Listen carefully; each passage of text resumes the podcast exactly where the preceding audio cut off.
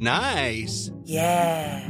What you're hearing are the sounds of people everywhere putting on Bombas socks, underwear, and t-shirts made from absurdly soft materials that feel like plush clouds.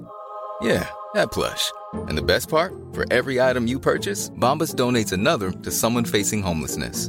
Bombas. Big comfort for everyone. Go to bombas.com slash ACAST and use code ACAST for 20% off your first purchase. That's bombas.com slash ACAST. Code ACAST.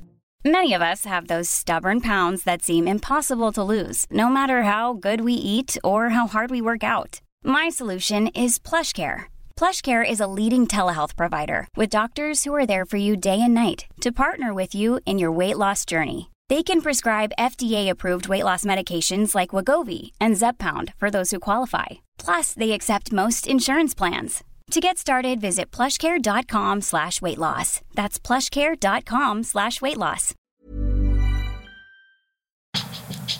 Vad är det som har hänt oss? Jag har blivit drabbad. Hur går jag vidare? Det här är brottsoffrens historia. Det här är Brottsofferpodden. I dagens avsnitt får vi följa med Jörgen som åker till London, en stad han älskar att besöka. Men denna resa blir inte som tänkt. Lyssna vad som hände och hur han går vidare. Vad skulle han vilja säga till sin förövare? Hur känner han kring skam och skuld? Välkommen till Brottsofferpodden. Historia som berättas har satt sina spår.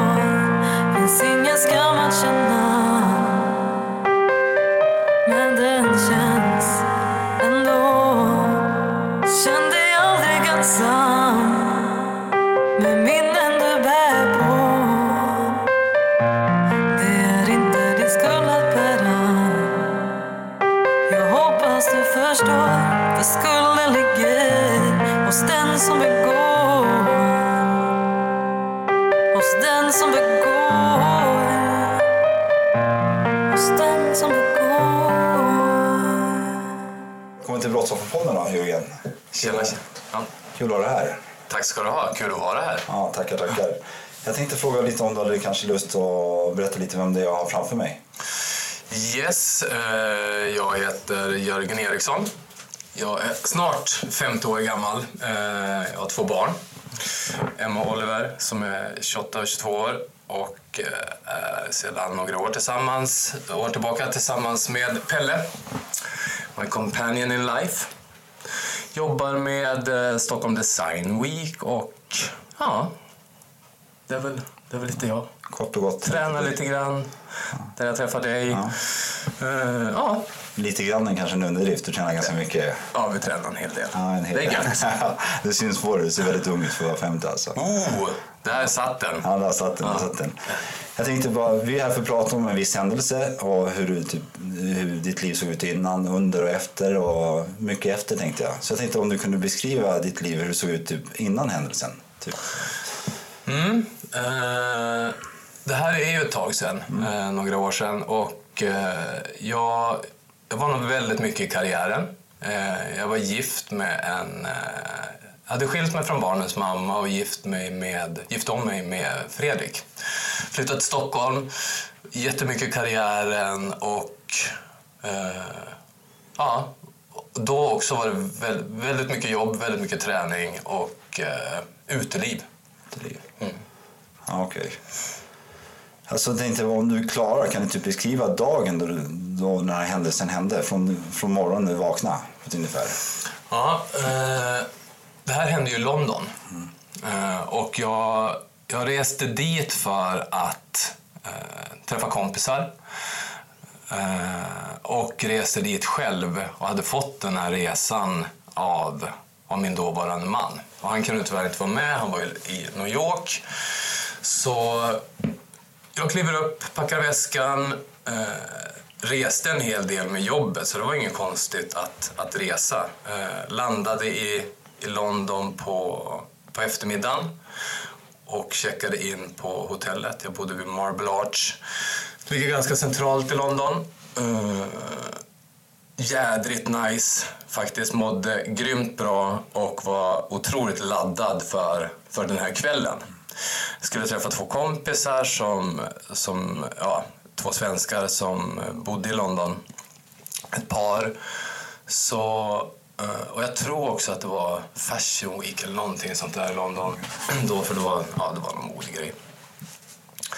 Uh, checkar in på hotellet, går ner i baren, dricker inte alkohol uh, faktiskt, utan uh, ja, beställer någonting annat. Har lite kontakt med de här grabbarna som var ute och jobbade och trodde att de skulle komma förbi hotellet, men det vart inte så. Så att, jag drar upp till Soho och sätter mig och käkar på en restaurang där. själv och ha kontakt med de här grabbarna som ska dyka upp lite senare. Och eh, sen kommer faktiskt inte jag ihåg något mer. Ingenting alls? Nej, jag, jag, jag kommer ihåg eh, att jag sitter sitter på restaurangen och käkar och eh, att jag skickar ett sms till Fredrik som han heter som jag var tillsammans med då. Och eh, jag bara säger, fan vad synd att du inte är här. Men sen så har jag ju fått jag tycker mig ändå på något konstigt sätt ha ett minne av det för att jag har ju fått allting berättat för mig. Eh, Utifrån det som hände så var det ett ganska stort pådrag. Så det är alltså typ att skadan av det som hände har gjort att du inte minns, inte så att du blev drogad eller något annat? Nej. Uh, jag hade ingen alkohol eller droger i, i blodet när när de tog in mig på sjukhuset. Men vad har du fått det berättat för dig då? Nej, men sen så... Eh, jag sitter här och, och, äter och går sen vidare på ett ställe. Eh, de vet också, eller jag vet. Ja, jag sitter och eh, käkar. Och eh, sen säger då polisrapporten, eller Detective Cuthill som han hette. Eh, kommer aldrig glömma den mannen. Ascool. Eh, vad säger man, kriminalkommissarie eller vad han nu var för någonting. Eh, att jag går vidare till ett ställe där jag sätter mig och tar en non-alcoholic beer, vet vi. Eh, vilket jag är väldigt glad för, att, eh, för jag dricker inte alkohol. Så det var skönt att veta att jag inte provade på det den gången heller. Och att jag befann mig där ungefär en timme. Sen så går jag tillbaka till, till hotellet Marble Arch och ganska mitt emellan Soho och Marble Arch så eh, ser man i CCTV-kamerorna hur, hur jag kommer och går eh, och fem minuter senare så, så eh, eller så är det en kille som går efter mig och fem minuter senare så ser man hur den här killen kommer springande därifrån. Eh, och polisen då har hittat mig i en gränd eh, trodde först att jag var någon uteliggare men såg sen att det var ganska mycket blod. Eh, så då förstod de att någonting hade hänt. Och jag tror i alla fall, och de säger att det var mest tur att de gick förbi utifrån att ja, men mörka gränder eh, har ingenting där att göra. Liksom. Och eh, då ser de att det är ganska illa och ja, de tillkallar ambulans och jag hamnar på, på sjukhus. Mm. och då är det ganska illa. Eh, där de inte vet om jag kommer klara det. För att jag har fått ja, groteskt mycket våld mot huvudet. Eh, så då får min, eh, min före detta man det här samtalet som, ja, som man inte vill ha. Att uh, is it Mr bla bla bla? Uh, are you married to your baren okay. tillbaka till hotellet när det hände. Och... Uh, vad skulle jag säga med det? Vad frågade du? Nej, när, de fick reda, när din man fick reda på det.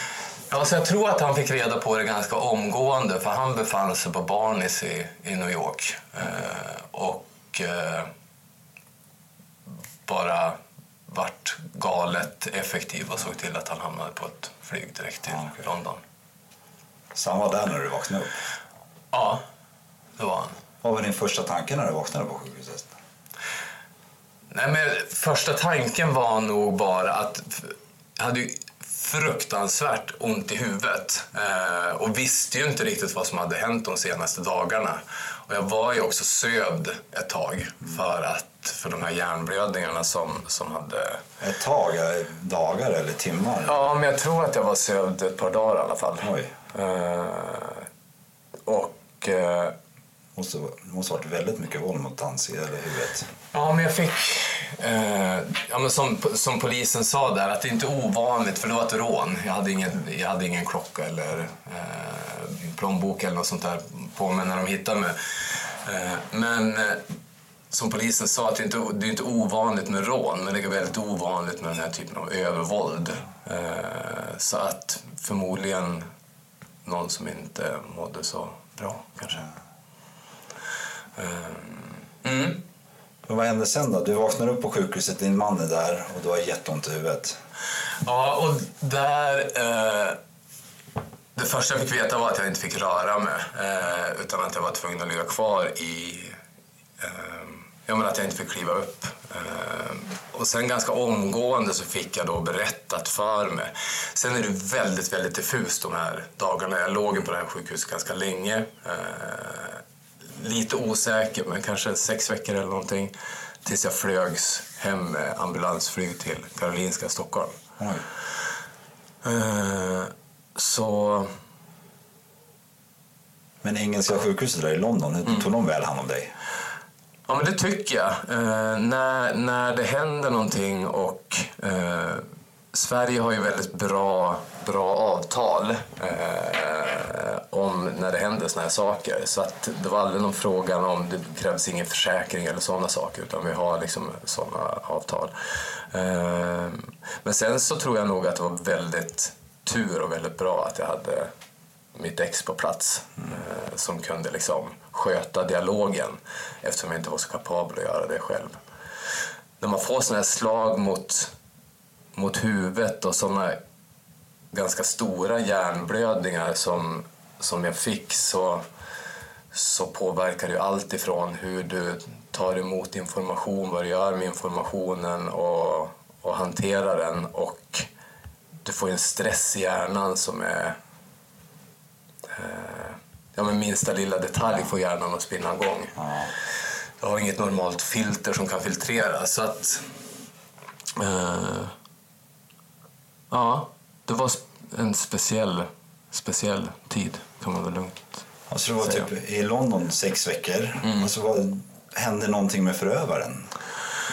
Ja, de, trodde, de var ju ganska säkra på att de skulle kunna ta den här eh, förövaren. Själv kommer jag inte ihåg någonting så jag kunde liksom inte, jag kunde in, inte identifiera han eller någonting sånt där. Men det fanns ju rätt mycket kameraupptagning på, på honom. Eh, och eh, trodde att de skulle kunna ta honom via DNA. Men eh, mig veterligt, veterligt så, så fick de aldrig tag på honom. De hittade ingen DNA på mina, på mina kläder från honom. Som de kunde matcha med någonting. Hur känner du gentemot det idag? Men sen så, Det kan jag väl...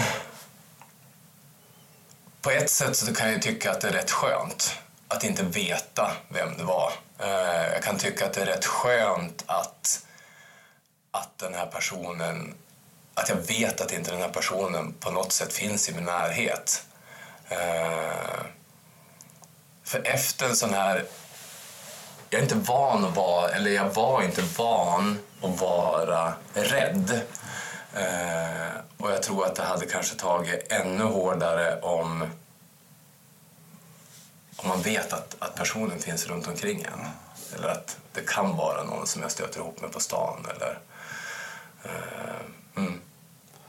Vad hände när du kom till Sverige då? Eh, när jag kom till Sverige så, så måste jag ändå säga att ja, men när det gäller så funkar det. Eh, fantastisk sjukvård där liksom ett helt team slöt upp direkt. Och jag låg ju på en neurologavdelning. Så eh, medelåldern där var ju rätt hög. Eh, så att eh, där stack jag väl ut lite grann med min då ganska unga ålder. Eh, men, eh, nej, men svensk sjukvård funkar ju när, när det gäller. Så att eh, ganska snabbt så, så kunde jag börja vara hemma lite grann igen och så. Ja, men det är skönt att det kunde vara det. Men det var ju extrema skador och sånt. Vad har hänt med dem? Hur blev du återställd eller gick det vidare? Men i det här så hade jag väl ändå Retur. Eh, det normala när, när du får slag eller när man får hjärnblödningar eh, på det sättet är ju ja, men halvsidesförlamningar eller tappa talet och, och sådana saker. Att man får öva upp den delen. Eh, de här var, det var ganska stora hjärnblödningar men de tog förhållandevis bra, eller vad jag ska säga. Så att Eh, de bestående men som jag har det är väl att jag jävligt dåligt närminne som kan vara asbra att skylla på ibland. Eh, men det är fruktansvärt enerverande. Eh, jag har ingen doft och ja, lite sådana saker. Jag känner inte smärta så bra längre. Ingen doft? Du känner ingen doft alls? Nej. Nej. Jag känner smak där jag känner med tungan. Men man har sex smaker och 6000 dofter. Så att Ja, dofterna är lite grann som sätter nyanserna på, på livet. Så typ när du ser färger och så får du för dig hur det luktar? Exakt. Jag kan känna om en jordgubbe är söt eller sur. Men jag känner inte att det smakar jordgubbe. Okej. Så att, eh, ja. Nu har det ju gått ganska lång tid så att eh, till en början fick väl det här mycket liksom, större konsekvenser just utifrån att känna inte smak, jag blir inte sugen att äta. Det har varit trauman och sådana saker som man går ner i vikt och ja, men blir jävligt allmänt låg, dålig energi. Eh, men eh, nu har det gått några år så nu tycker jag väl ändå att det har kommit tillbaka lite grann. Ja, skönt att höra alltså.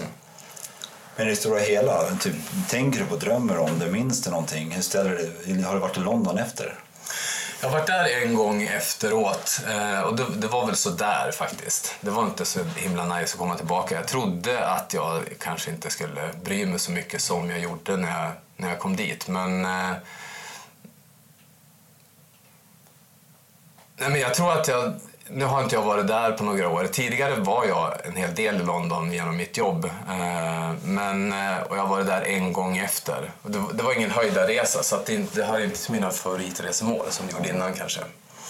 Eh, sen jag tog det med min läkare därför att jag drömde otroligt mycket precis efteråt. Och, eh, ja, men jag drömde att jag var hotad och att jag kom in i, någon, in i den här gränden och det var skrik och slag och sånt. Men den läkaren var väldigt, väldigt tydlig med att konstatera att det här med att, att man drömmer och minnen kommer tillbaka, det är kanske mer på film eh, än i verkliga livet. Eh, utan i fall där det förekommer våld så är det ofta så att minnena är bokstavligen bortslagna. Det finns liksom ett glapp i, i, i ja, vart, vart det nu är någonstans i huvudet på just precis den här perioden som han har glömt. Så att han bara konstaterar att nej, men det är inget annat än drömmar. Så att... Eh, men ja. Men det, det, är, alltså, det är fastslaget att det var ett rån. Mm. Polisen trodde att det, det var säkert eh, droger och sånt inblandat i det. För att eh, jag är ju ingen... Jag har aldrig slagits i hela mitt liv. Eh, jag har aldrig slagit en annan person. Så att eh, om någon skulle komma fram till mig och tala om för mig att om inte jag får din plånbok så kommer jag klå det. Som vi säger i Norrland. Så eh, hade jag gett honom plånboken. Så ja, men någonting annat var säkert inblandat. Men det är rätt skönt att inte veta Ja. vem han är. Men nu, efteråt då? Hur, hur, har ditt liv sett ut efteråt? Men det är klart att man påverkas så att det tar liksom väldigt mycket energi. Eh, också efter en, en skada med huvudet så tiltar ju eh, tiltar hjärnan. Eh, vilket gör att alla intryck och allting sånt som kommer, ja, men du ser saker, du hör saker, du känner saker. Normalt så sorterar kroppen bort 95 procent av alla de här intrycken. Eh, men efter en sån här grej så, så finns inte det filtret. Vilket gör att jag var extremt trött, eh, behövde sova otroligt mycket. När jag var på sjukhuset fick jag inte titta på TV, jag fick inte läsa böcker, alltså fick inte göra någonting som gjorde att hjärnan fick arbeta utan skulle bara vila. Eh, vilket också gjorde att det fanns extremt mycket tid att processa och tänka på de här sakerna och försöka göra någon egen bild av vad som hade hänt. Eh, men den stora grejen tror jag var just att, att jag inte var van att vara rädd. Och plötsligt så kunde jag inte stå på en tunnelbanestation utan att liksom se mig eh, om tusen gånger eller i panik springa därifrån för att jag trodde att halva världen var efter mig. Eh, och sådana saker tar väl såklart tid. Och, Har du släppt idag? Ja, till viss del. Men jag skulle ju liksom i... i jag skulle inte gå hem på natten. Eh, jag skulle inte sätta mig i en svart taxi och eh, jag ser mig om väldigt, väldigt ofta. Och jag ser alltid till att ha telefonen på liksom. Men alltså hjälpen, du ser att London sjukhuset var jättebra Mm. och i Sveriges sjukhus också jättebra. Men efteråt, du ser att du har svårt att gå på tunnelbanor och vill, känner dig otrygg eh, när du går hem själv. Och det. Men den sortens hjälp, har du Mm. fått någon hjälp att kanske prata med någon, någon psykolog? Hur har, typ, har samhället ställt upp med vissa punkter? Precis när jag kom hem eh, så, så hade ja, men så, så var det som en liten arbetsgrupp eller vad man ska säga. Någon slags, eh, ja, men med en läkare, eh, neurologer, det var eh, en arbetsterapeut, det var en kurator och, och sådana saker. Och den här gruppen träffade jag ju tills jag varit utskriven. Eh, men sen skulle, ska man ju klara sig själv. Eh, och den, den var nog inte jag riktigt beredd på. De skulle släppa dig? Nej, men precis. Att liksom, ja men vad gör jag nu? Jag sitter ju här fortfarande med de här rädslorna och massor med, med saker inombords som, som man inte vet hur man ska han- eller som jag inte visste i alla fall hur jag skulle hantera. Eh, och det är svårt att hitta de vägarna själv. Liksom. Men förklara det för dem, eller kände du att de släpper mig, då borde jag vara redo? Ja, så kände jag nog. Nu släpper de mig så borde jag vara redo. Sen var nog jag lite grann sådär att jag ville också släppas. Alltså man... Eh, jag hade sån stark vilja att inte, att inte identifiera mig med den här händelsen. Eh, utan ville bara gå vidare.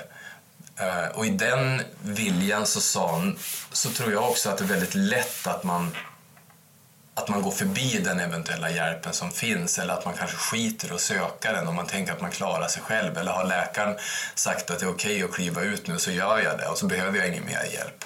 Eh, och så var det nog för, för mig att nej, men nu kör jag på. Men hur länge satt de där samtalen? Ja, vad kan det ha varit? Jag var väldigt snabb tillbaka på jobbet. Eh, jag installerade en säng på kontoret så att eh, när jag fick de här trötthetsgåven så skulle jag kunna lägga mig ner. Det här var ju mot alla läkares inrådan. Eh, men för mig var det så otroligt viktigt att komma tillbaka. Så att ett halvår kanske. Sen gick det ju ett tag tills jag inser att ja, men det här funkar ju inte.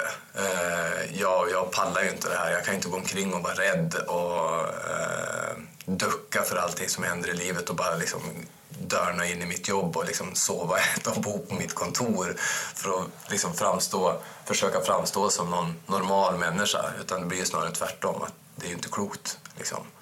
Eh, men jag tror också att när det händer såna här saker så är vi inte liksom, det är inte så himla lätt att vara rationell. Och det är inte så himla lätt för omgivningen heller att fatta vad det är som pågår med, med en person som har ja, men som har fått sin ja, vad ska man säga, integritet eller vad man ska säga eh, krossad på något sätt. Eh, så där famlade nog alla i familjen rätt rejält eh, för att liksom, ja vad gör vi nu? Ja. Du nämnde familjerna. Hur har närstående reagerat? Hur reagerar de på hela händelsen och efteråt? Hur... Ja, när det här hände, det, första jag vet när jag, när jag vaknade var bara jag ska hem. Eh, Jag måste hem till mina barn. Eh, De kommer vara skitoroliga för mig. Eh, Och det gick ju inte. Och det är klart att framförallt för barnen såklart att, att befinna sig några hundra mil därifrån, att inte kunna se. Det går inte att, jag kunde inte skicka bilder på hur jag såg ut för det liksom, jag såg inte klok ut.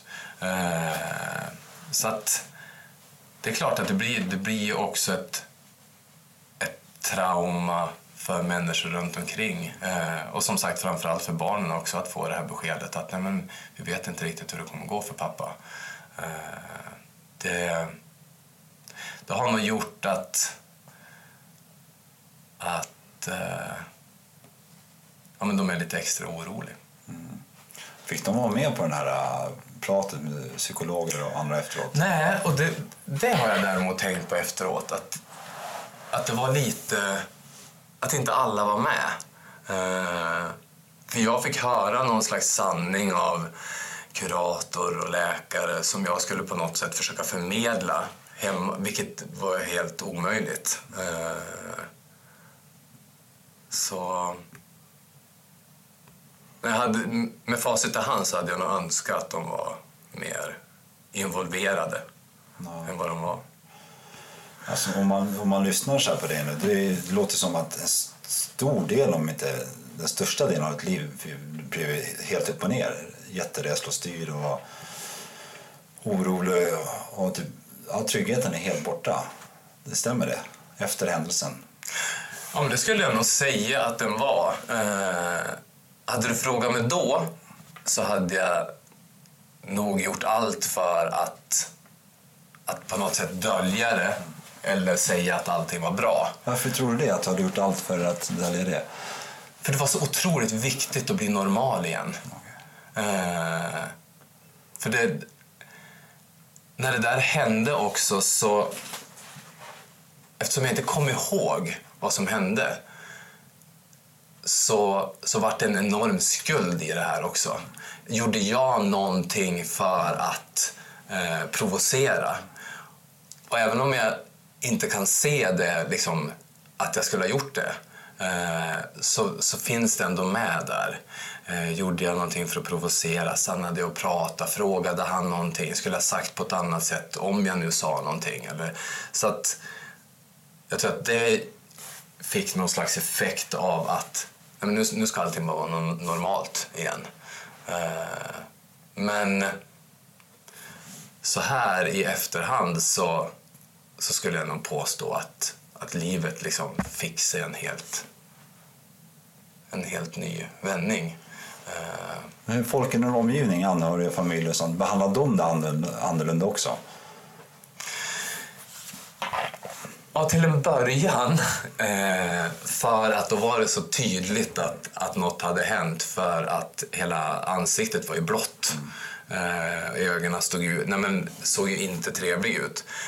Men sen när det la sig eh, så min hjärna hade ju inte börjat fungera på något bättre sätt. Och, så, så det var ju väl, jag tror att det var väldigt svårt för omgivningen att förstå allting som pågick här inne. Och eftersom jag inte heller var, var så himla kapabel att, att uttrycka det. Jag ville jag ville liksom bara att det skulle vara Borta. borta. Så du lagade upp någon falsk fasad att Ja. du mådde mycket bättre än vad du mådde på riktigt? Expert på det. Så Ja. det ja. ja, det är väl lite nästan nackdel ibland kanske. Mm. Men eh, om du hade typ du vet att om du hade hänt igen, hade du gjort saker annorlunda, hade du varit mer öppen från första början då? Hur du verkligen kände? Ja, det tror jag. Det tror jag. Eh, Men så tror jag att det är med det mesta när man blir eh, ja, men utsatt för saker eller när eh, allting inte går som man har tänkt sig kanske. Att, att hitta sina ventiler. Eh, för hittar man inte dem så någonstans så briserar det. Eh, tror jag. Ja, det tror jag också. Ja. Och eh, så var det kanske viktigt att verka stark, eller? Ja, men viktigt att verka starkt och framförallt också, jag tror att alla som har, har barn eller människor runt omkring sig som man ja, men, bryr sig sådär extra för så, så, så är det lätt att, i alla fall för mig, att liksom ta på mig den. Att nu, nu ska vi vara starka och allting är bra och solen skiner och liksom... Eh, och att, ja, men att det sluter.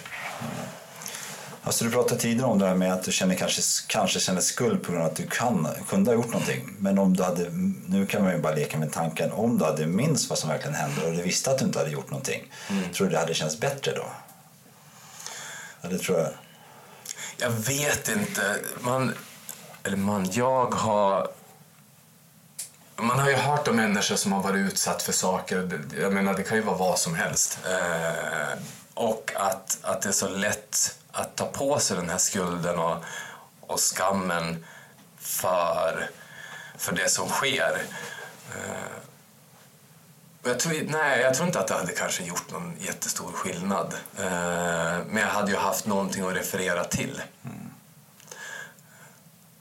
På något sätt kan jag ändå önska att jag hade kommit ihåg det. Å ena sidan nej, för att ja, då kan jag glömma och gå vidare. Å andra sidan så tror jag att det hade kanske varit, varit bra för vad ska man säga, rehabilitering eller tillfrisknande eller vad man nu ska kalla det för någonting. Så, så kanske det... Nej, jag vet faktiskt inte. Nej, svårt att veta som du inte minns. Ja. Men när vi sitter här och pratar om själva händelsen, vad, vad känner du och tänker om den då? Det känns väldigt overkligt. Eh, nej, men det känns overkligt att, eh, och nästan konstigt att säga att det var millimeter från att dö. Eh, just precis den detaljen ska jag väl ändå säga, det är väl den som jag har tagit med mig ifrån det här. Att ja, men det var så nära att det tog slut. Så liksom hur, hur, lever, hur lever jag livet fullt ut? Eh, och, och det har jag väl gjort på liksom, må, många sätt efter den här händelsen som eh, Hey, I'm Ryan Reynolds. Recently, I asked Mint Mobile's legal team if big wireless companies are allowed to raise prices due to inflation. They said yes. And then when I asked if raising prices technically violates those onerous two year contracts, they said, What the f are you talking about, you insane Hollywood ass? F- So to recap, we're cutting the price of Mint Unlimited from $30 a month to just $15 a month. Give it a try at mintmobile.com slash switch. $45 upfront for three months plus taxes and fees. Promo rate for new customers for limited time. Unlimited more than 40 gigabytes per month. Slows. Full terms at mintmobile.com. Hey, Dave. Yeah, Randy. Since we founded Bombus, we've always said our socks, underwear, and t shirts are super soft. Any new ideas? Maybe sublimely soft. Or disgustingly cozy? Wait, what? I got it. Bombus. Absurdly comfortable essentials for yourself And for those facing homelessness. because one purchased equals one donated. Wow, did we just write an ad? Yes. Bombas. Big comfort for everyone. Go to bombas.com slash ACAST and use code ACAST for 20% off your first purchase. både positivt och, och, och på mindre bra sätt. Liksom. Alltså min bild av dig Jörgen, alltså, som du, har ju, du har ju funnits runt mitt liv nu, något år eller vad det är mer. Men att vi tränar på samma gym och det. Du, du är alltid glad och jättepositiv. Är du den människan du är eller är det någon typ bara ett sätt att vara? Eller är det som du sa, just att på grund av det här hemska så har du fått en extrem tacksamhet till att du, du lever? Jag, jag, jag tror på riktigt att, att det handlar om en inställning. Eh, jag hade kunnat satt mig på arslet och, och kanske mentalt dött där. Eh, men jag tror att jag fick med mig någonting väldigt, väldigt viktigt just utifrån att ja, men livet är jävligt skört. Eh, det händer saker och livet pågår hela tiden. Så liksom, live it. Eh, och, och den positiva delen den kan nog vara, eller som, som du säger, och det, är- det är jätteroligt att, att du uppfattar mig så. Eh, jag skulle inte påstå att jag är det hela tiden, men jag väljer att, att vara det oftast. För det, det hjälper till och det kommer nog väldigt mycket därifrån. Det är, nog, det är jag ganska övertygad om. Ja, fantastiskt att höra. Ändå att man kan få med sig något sånt. Om man säger att Fick du prata med någon annan som varit med om en liknande situation som dig? Blev du ihopkopplad med någon som du verkligen kunde förstå? Eller hade du full tillit till terapeuten och de andra i gruppen att de är experter, de vet vad de pratar om? Ja, Eller hade det varit en fördel om man kanske var, man blev ihopkopplad med Det hade varit enormt. Det hade varit jätte, jättebra att bli ihopkopplad med människor som hade varit med om liknande saker. Eh, både utifrån vad man känner, vad man tänker, alla frågor man har. Eh, och kanske någon som hade kommit igenom något liknande. Så man kunde få så här konkreta tips och råd på vägen. Att shit. Uh, nej men och att det är okej att vara ledsen, att det är okej att vara förbannad, att det är okej att känna uppgivenhet och alla de här sakerna som kommer efteråt. Eh, och som man kanske inte riktigt förstår var de kommer ifrån, för jag har aldrig känt så förut. Det bubblar upp massor med känslor. Eh, och från att, från att eh, kanske inte alltid vara så öppen med, med, med sina känslor så blir det ju också ett påslag att men att det är många som har blivit utsatta för saker så vittnar ju om att eh, de känner mycket skam och skuld. Du pratar mycket om skuld förut. Hur känner du, om man tar bort själva skuld, pratar du om att du kanske har gjort någonting mot förövaren. Men någon annan skam och skuld har känt det här? Ja, men det kanske låter jätteknäppt, men herregud, hur gammal jag nu var vid det här tillfället. Jag tror att det är 10-12 år sedan. Eh, eller tror, jag vet att det är 13 år sedan. Mm. eh, att jag som en vuxen människa blir, blir utsatt för det här. Jag är en vuxen, jag är en man, jag ska klara mig själv, jag ska vara stark och ensam är stark eller vad man nu, ja, alla dessa floskler. Så, eh, men så, tro, så tror jag att det kommer väldigt mycket därifrån. Att ja, men man, man ska klara sig, man ska liksom stå upp för sig själv och eh, att det är något slags... Jag kände nog väldigt mycket att eh, shit, jag är inte man nog liksom. Alltså skam och skuld, typ så att det var pinsamt? Ja, eller? Det var pinsamt. Varför tror du att det är så? Är det från barnspel man blir lärd från Hollywoodfilmer och andra?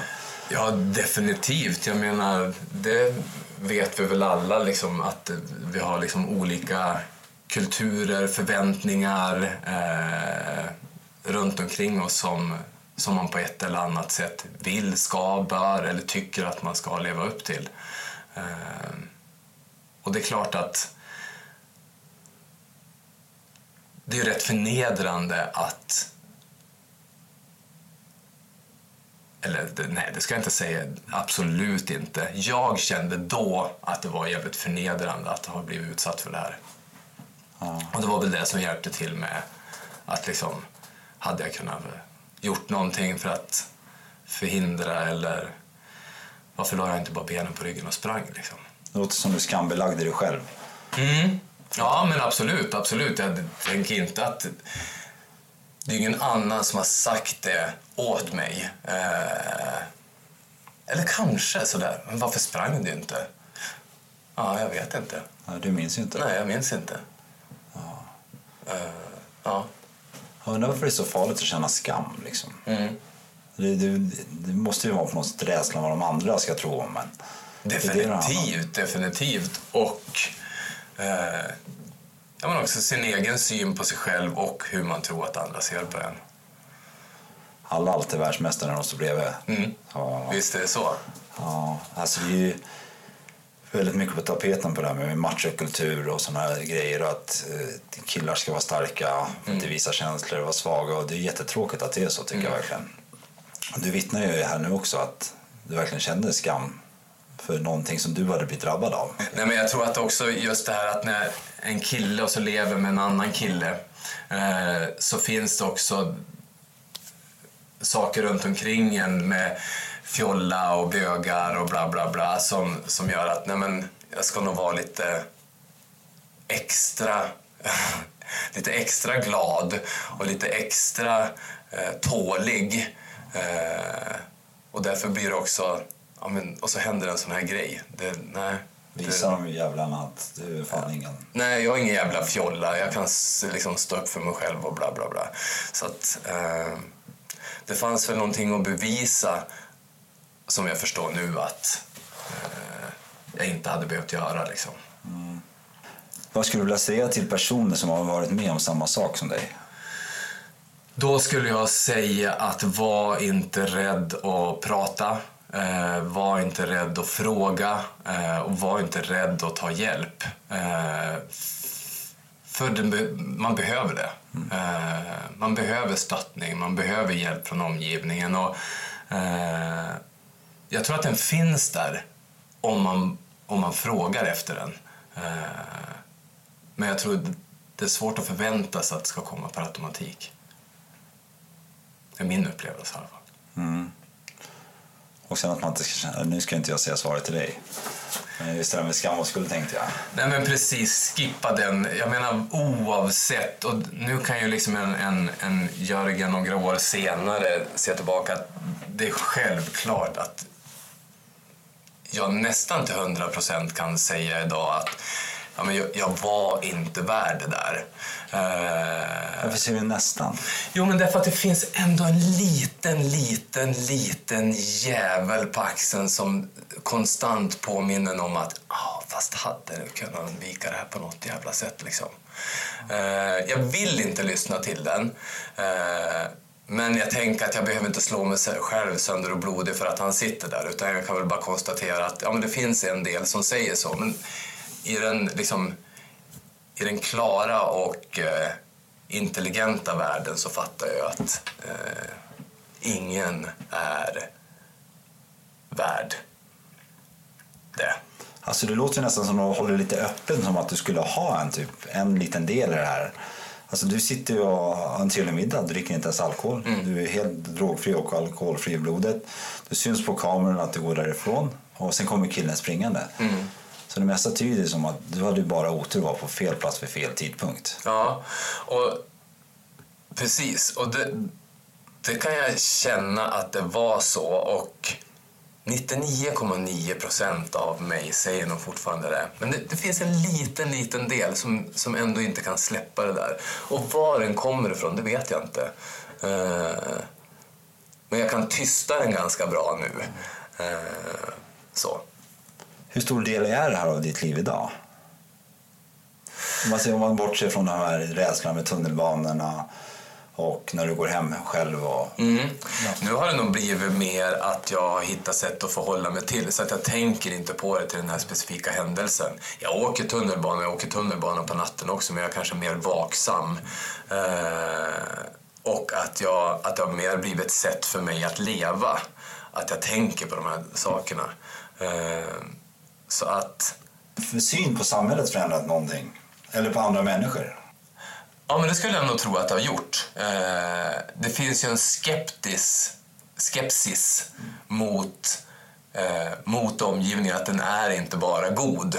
Eh, ja.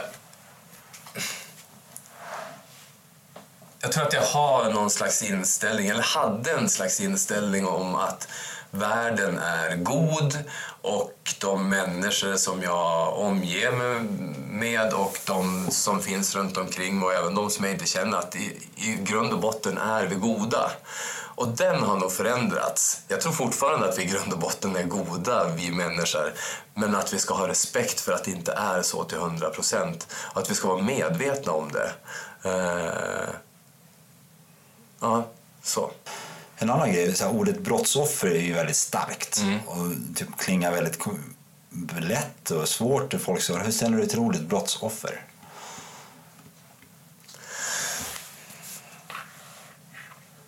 Jag vill ju, jag vill ju inte vara ett offer. Eh, fast intellektuellt så förstår jag ju att jag är det. Ett, ett offer för ett brott. Eh, men det handlar väl också jättemycket om att ja, men gå in och äga det. Eh, att det här har hänt och eh, att det kan finnas någonting väldigt så här lite förlösande och tröstande i att faktiskt, ja men i det här fallet, vid det här tillfället så var jag ett offer för någonting.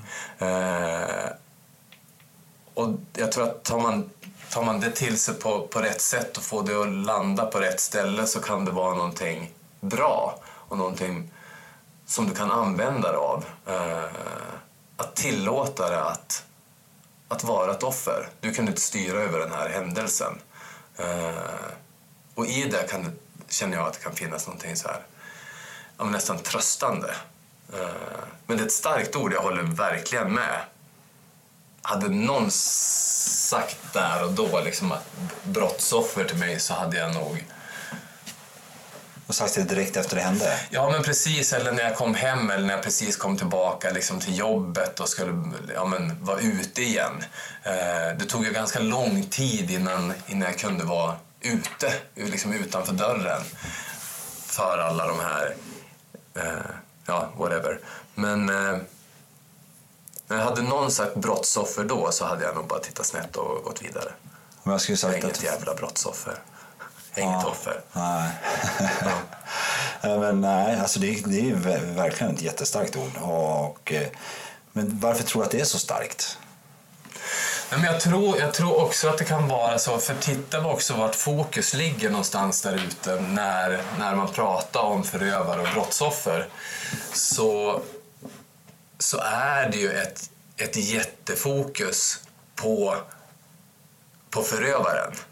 Eh, och det här med brottsoffer, att eh, skuldbelägga brottsoffer eller att misstro brottsoffer, att bli ifrågasatt när du har blivit utsatt för ett brott. Alltså det, är, det är fruktansvärda saker att få i ansiktet efter du har Blivit utsatt för Ja, men exakt. Eh, och att kunna stå upp för det då och att kunna stå emot alla de här delarna. Eh, när, jag kan tänka mig för alla de som hamnar i rättegångar eller när det handlar om trovärdighet och sådana saker. Att, att känna då att, att, att, inte, att inte bli trodd.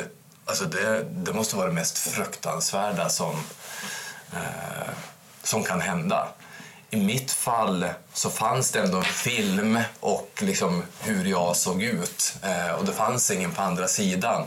Så det fanns inte den här förövaren på, på samma sätt kanske som för andra.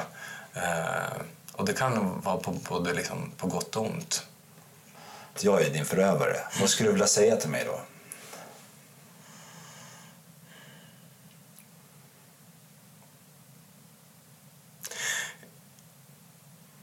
Såklart så tror jag att, att det skulle färgas väldigt mycket av, av, vad jag, av vem eller vem jag skulle möta.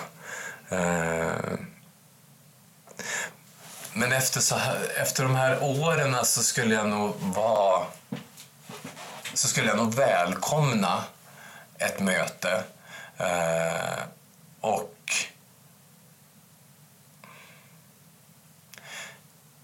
det finns inte så mycket bitterhet nu som det kanske fanns i början. En bitterhet över att det hade hänt. Jag har väldigt, jag har väldigt svårt att liksom... Jag skulle nog mer vara intresserad av att höra vad förövaren tyckte. Vad han hade att säga till mig.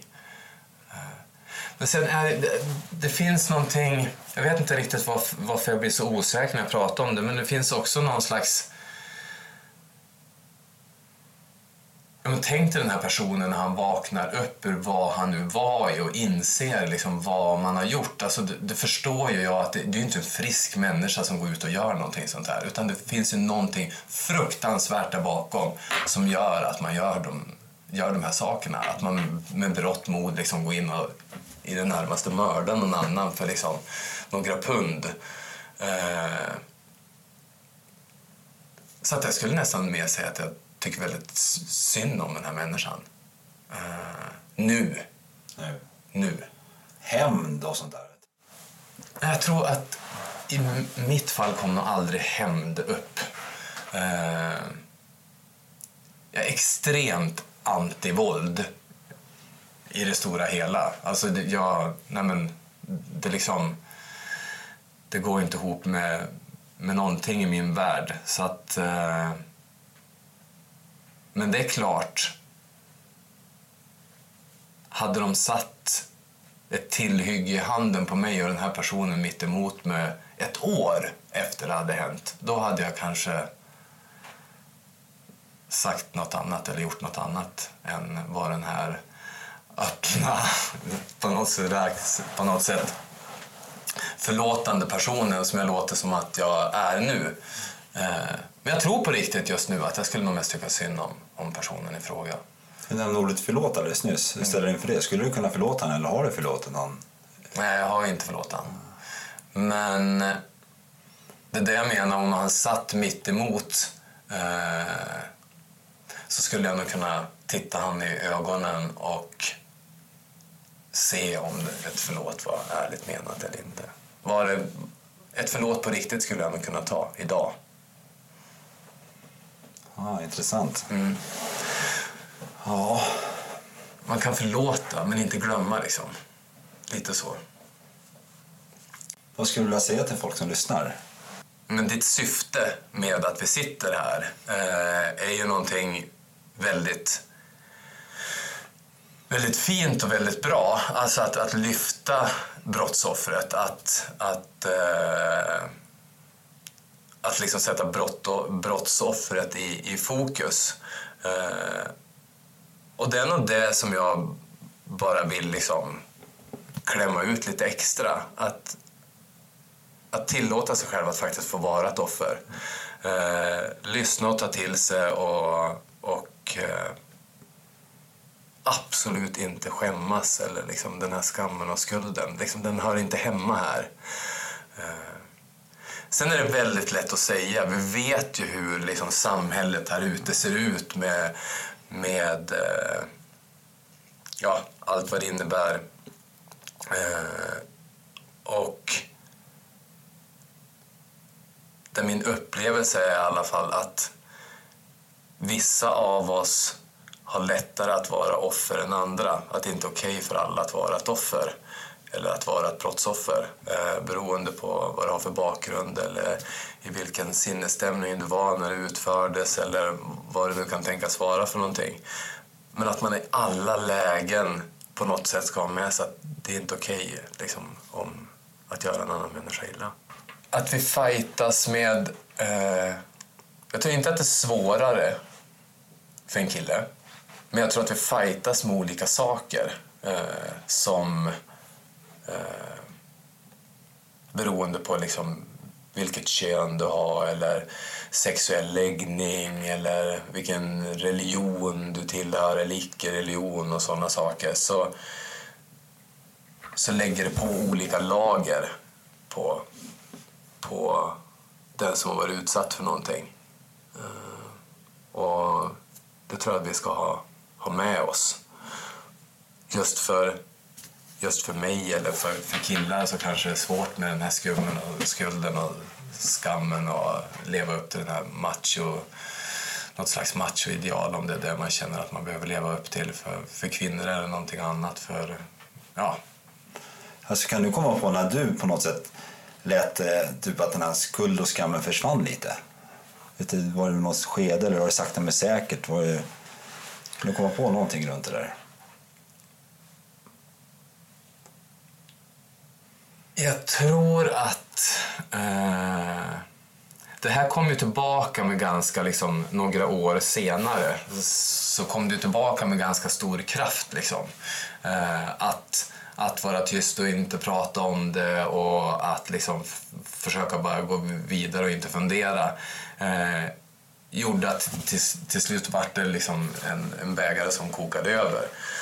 Och i det läget när man kommer till en... Eh, jag kom till en eh, psykolog eller en terapeut eh, i det här fallet och att börja prata om saker var, för vad de egentligen var eh, och att också bli speglad utifrån det några år senare gjorde nog väldigt mycket att liksom kunna släppa det.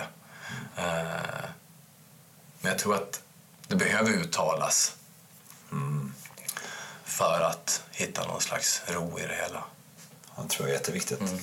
Det är läkande att tala och berätta och få ur sig saker. Mm. Hur lever du livet idag då, Jörgen? Idag lever livet fantastiskt bra. Eh, livet är stort eller livet utifrån det här?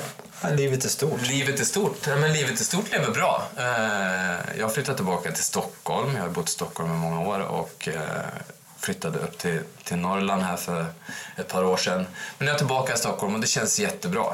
Och eh, ah, fan, livet är en resa. Det är bara att köra. Fantastiskt att höra. Alltså, det var skiner om det. En annan sak som jag tänkte fråga. Det är, du var, var på sjukhus i England sex veckor. Du kommer till Sverige, du är fortfarande sjukskriven på behandling. Hur ek- ekonomiskt, alltså, fick du hjälp där? Från Försäkringskassan, försäkringsbolag eller hur, hur, hur såg det, den biten i hela? Eh, jag hade faktiskt världens... Jag hade precis börjat nytt jobb. Eh, jag hade kanske varit där i två månader eh, som, som vd för ett ganska stort detaljhandelsbolag. Eh, och det var också en grej när jag vaknade upp att gud jag måste tillbaka och jobba. Jag har ju liksom precis börjat här, gud jag kommer få sparken. Men så var det inte utan jobbet var faktiskt jättebra. HR-avdelningen tog tag i det här direkt. Eh, de ringde till Fredrik och frågade om de skulle skicka över folk som kunde hjälpa till. Eh, de fortsatte att betala ut min lön fast jag var sjukskriven. Det där löser vi sen. Så att jag skulle ändå, skulle ändå vilja säga att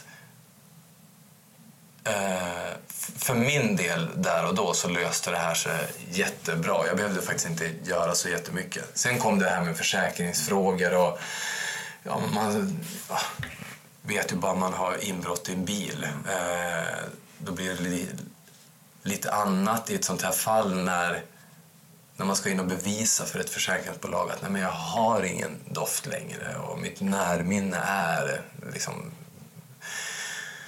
inte som det ska. Och, ja, men alla de här sakerna och felen som man då ska börja liksom bevisa att det här har skett för att eh, få ut någon slags ekonomisk ersättning. Eh, det tog jättelång tid. Det var nog en process på två, tre år eh, innan, innan det hände någonting. Och därför var jag också väldigt, väldigt glad att, att eh, min arbetsgivare var, var så tillmötesgående och så förstående under den här perioden. Annars kan ju det vara en, en, eh, en förödande för vem som helst. Liksom. Känns det som att få ett avslut på det här? Nu vet ju inte jag vem den andra personen var. Eh, det kan bara kännas väldigt så här, spännande på något sätt. Eller att jag är nyfiken på hur hade det varit om jag hade vetat. Om jag hade mött den här personen. Om det hade varit en rättegång. Och liksom vad, vad hade skett då? Eh, hade det förändrat min syn på någonting?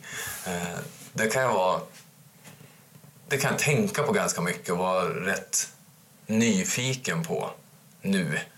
Eh, nej men det, är- det är lite grann som, och det var ju en av de delarna som, som eh, tog upp mycket av den här terapin som kom några år efter det här.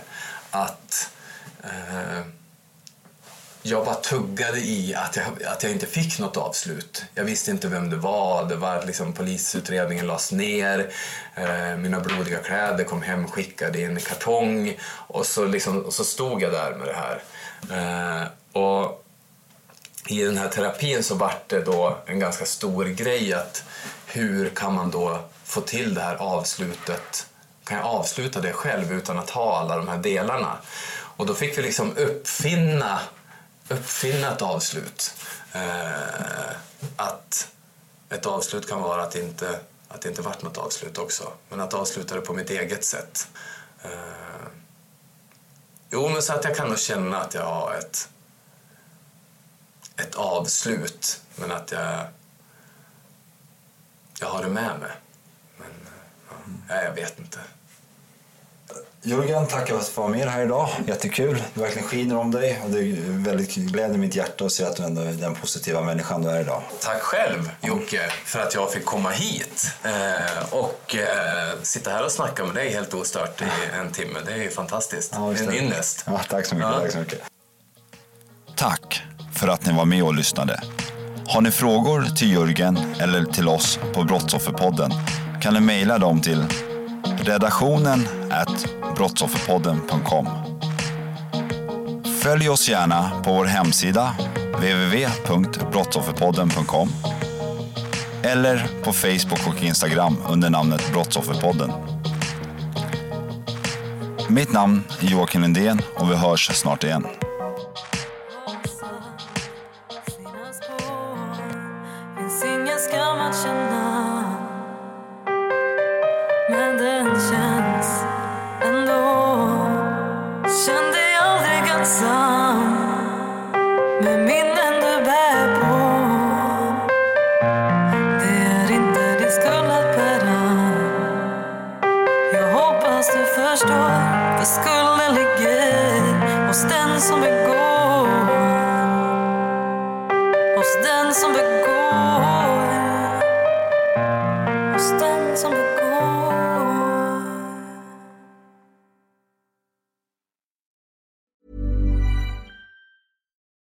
This is the story of the one. As a maintenance engineer, he hears things differently. To the untrained ear, everything on his shop floor might sound fine, but he can hear gears grinding or a belt slipping. So he steps in to fix the problem at hand before it gets out of hand. And he knows Granger's got the right product he needs to get the job done, which is music to his ears. Call, click Granger.com, or just stop by. Granger, for the ones who get it done.